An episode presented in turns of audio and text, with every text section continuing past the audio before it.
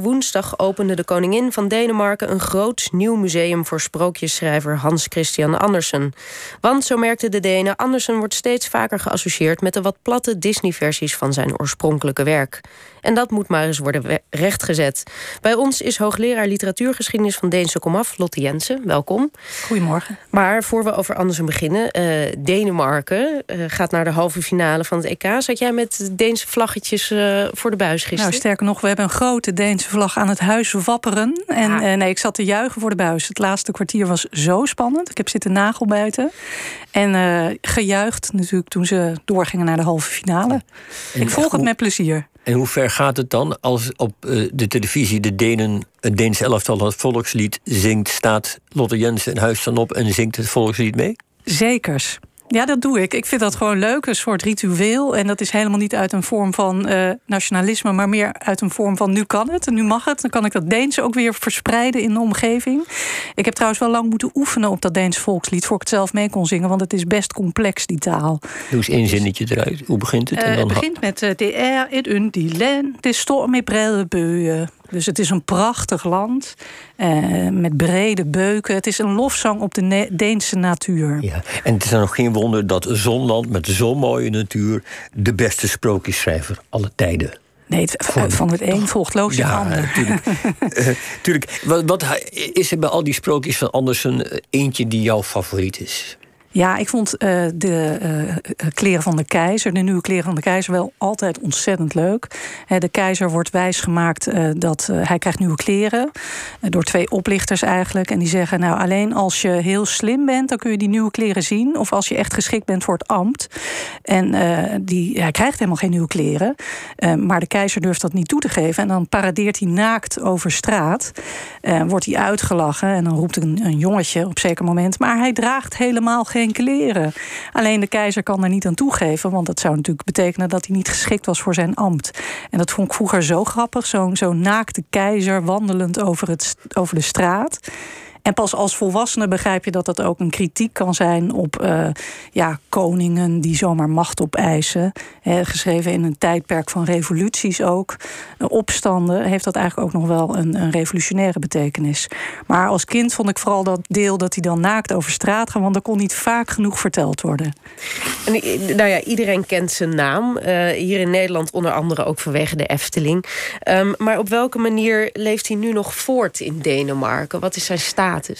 Nou, zijn status is heel groot. Ik denk dat het een van de nationale uh, uithangborden is, helden. Um, hij is natuurlijk een product van die Deense Gouden Eeuw. In de eerste decennia van de 19e eeuw bloeide het culturele leven in Denemarken weer op. In de liedkunst, schilderkunst, de literatuur. En uh, ja, H.C. Andersen, zoals de Denen zeggen, dat is wel echt een exponent van die opbloei van de uh, literatuur en cultuur. En nu zie je hem overal. Hè. Er zijn standbeelden, uh, straatnamen. De kinderen krijgen natuurlijk zijn sprookjes met de paplepel ingegoten. Als je naar Tivoli gaat, dat is zo'n groot pretpark in Kopenhagen, dan kun je ook in de attractie De Vliegende Koffer. Dan stap je ook in een koffer en reis je langs al zijn sprookjes. En dan is er natuurlijk, ja, allergrootste uh, toeristische attractie is de Kleine Zeemermin. Uh, waar uh, jaarlijks nou, honderden duizenden uh, toeristen zich vergapen aan een heel klein standbeeldje. Wij hebben molens en tulpen en jullie hebben de zeemeermin. Ja, ja, zeker. Verschil, verschil moet er wezen. maar als er al zoveel is, waarom moest er dan nog een, een groot museum worden opgezet? Ja, ik denk dat er wel ruimte voor was. Want er was eigenlijk nog maar een klein museum in Odense, zijn geboorteplaats. Odense zeggen de Nederlanders. Odense zeggen de Denen. Het is bijna niet uit te spreken voor Nederlanders. Um, maar daar uh, kon wel vernieuwing uh, aan toepassen gepast worden. Dus nu is er een heel groots, meeslepend, meer experience-achtig museum gekomen. Ontworpen door een uh, Japanse architect, die ook trouwens het uh, nieuwe Olympische Stadion heeft ontworpen. Kengo Kuma heet hij. En dat moet echt een ervaring brengen van die sprookjes van Andersen. Dus je stapt als het ware in zijn sprookjeswereld. En het zijn holle ruimtes. Die je van de ene naar de andere avontuurlijke beleving brengen. En ben jij van de Experience Musea? Of vind je een, een gewoon een mooi oud schrijvershuis met zijn schrijftafel en zijn oude uh, verenpen? Vind je, dat, vind je dat beter? Nou, ik vind het en-en. Dat andere moet ook bewaard blijven. Maar het is natuurlijk een schrijver die kinderen aanspreekt. En waar je ook met kinderen naartoe moet gaan, naar, naar zo'n museum. En dus vind ik het slim dat ze daar ook echt een nieuw, groots opgezette belevenis van maken. En commercieel is het ook heel slim natuurlijk dat Onze zichzelf ook op de kaart zet naast Kopenhagen. Dus ik ben ervan overtuigd dat hier veel nieuwe uh, toeristen op af gaan komen. Nou werd er ook gezegd van we willen die gelaagdheid terugbrengen in Andersen. Want hij is in het buitenland ook al bekend vanwege, nou ja, er zijn een aantal Disney-producties, Frozen, de, de kleine zeemermin die van zijn sprookjes zijn gemaakt. We willen juist die meerlagigheid van Andersen er weer inbrengen. Wat, wat, wat is die meerlagigheid? tijd. Nou, ik denk dat um, de sprookjes ook altijd wel een soort les of een moraal hebben. Die er niet dik bovenop ligt, overigens. Maar wel, hij vertelt vaak een, een toch wel een spannend einde. Het loopt ook lang niet altijd goed af. Maar heeft wel vaak de thematiek dat je uh, als uh, lelijk eentje geboren kunt worden. maar toch uit kunt groeien tot een mooie zwaan. Dus dat iedereen gelijk is. En dat je niet moet denken dat je meer voorstelt dan een ander.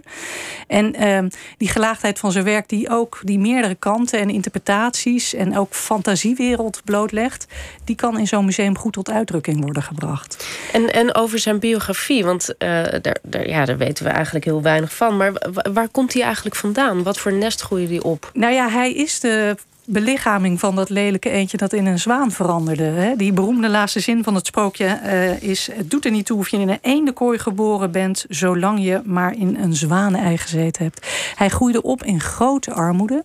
Zijn vader stierf al uh, toen hij pas 11 jaar was. Zijn moeder was analfabeet. En toen trok hij op zijn veertiende naar Kopenhagen met een droom... want hij wilde beroemd worden, wereldberoemd. En hij had het grote geluk dat hij onder de hoede werd genomen... van de uh, directeur van de Koninklijk Theater in Kopenhagen... Jonas Collin. En die bood hem de mogelijkheid om echt een onderwijs te gaan genieten. Nou, toen had hij nog een paar zware jaren. Maar uiteindelijk heeft hij toch zover geschopt dat hij toelatingsexamen kon doen tot de Universiteit van Kopenhagen. En toen groeide hij natuurlijk uit, uiteindelijk tot de beroemdste sprookjesschrijver. Nou, één van de beroemdste sprookjesschrijvers van uh, ja, Europa. Maar vertel eens, want we, we denken, of we, voor zover wij er iets van weten, denk je aan de gebroeders Grimm.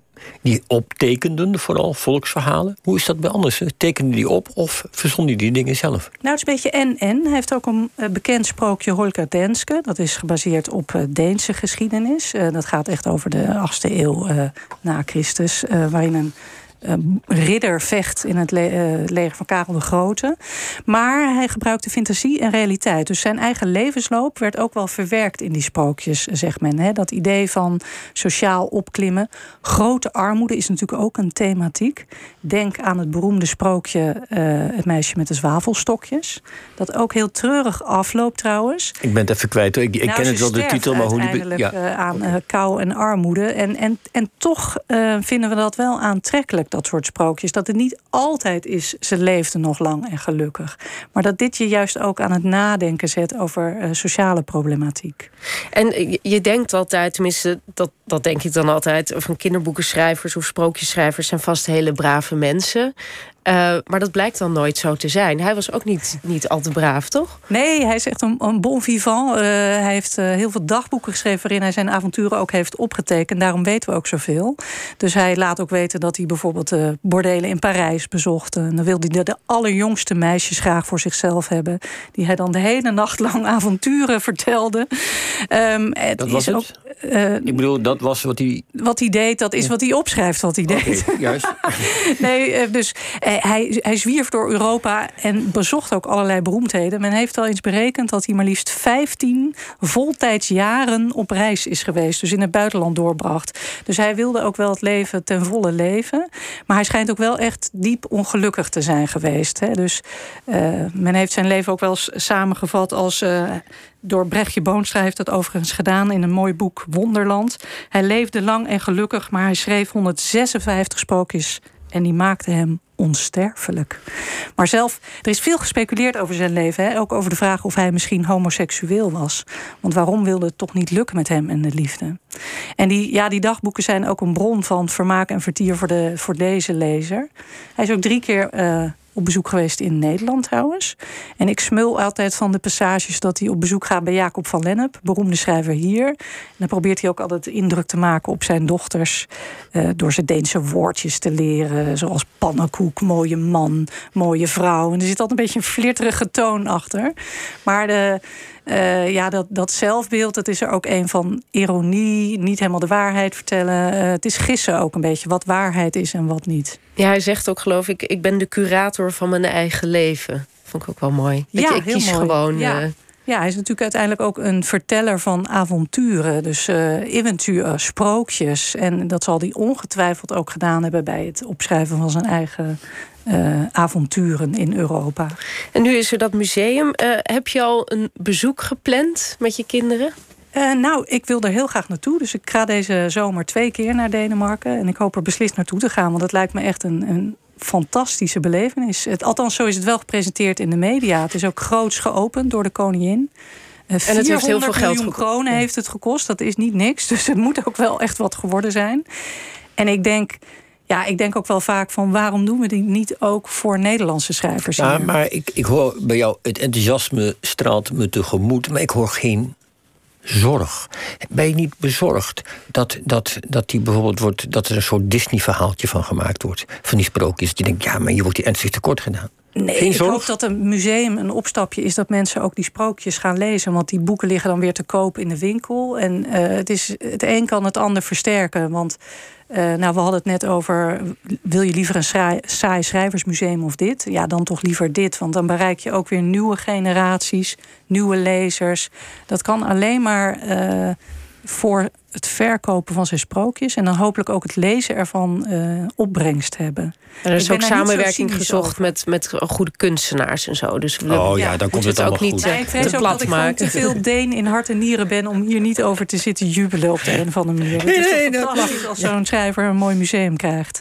Goed, hartelijk dank Lotte Jensen. En zet hem op voor Denemarken.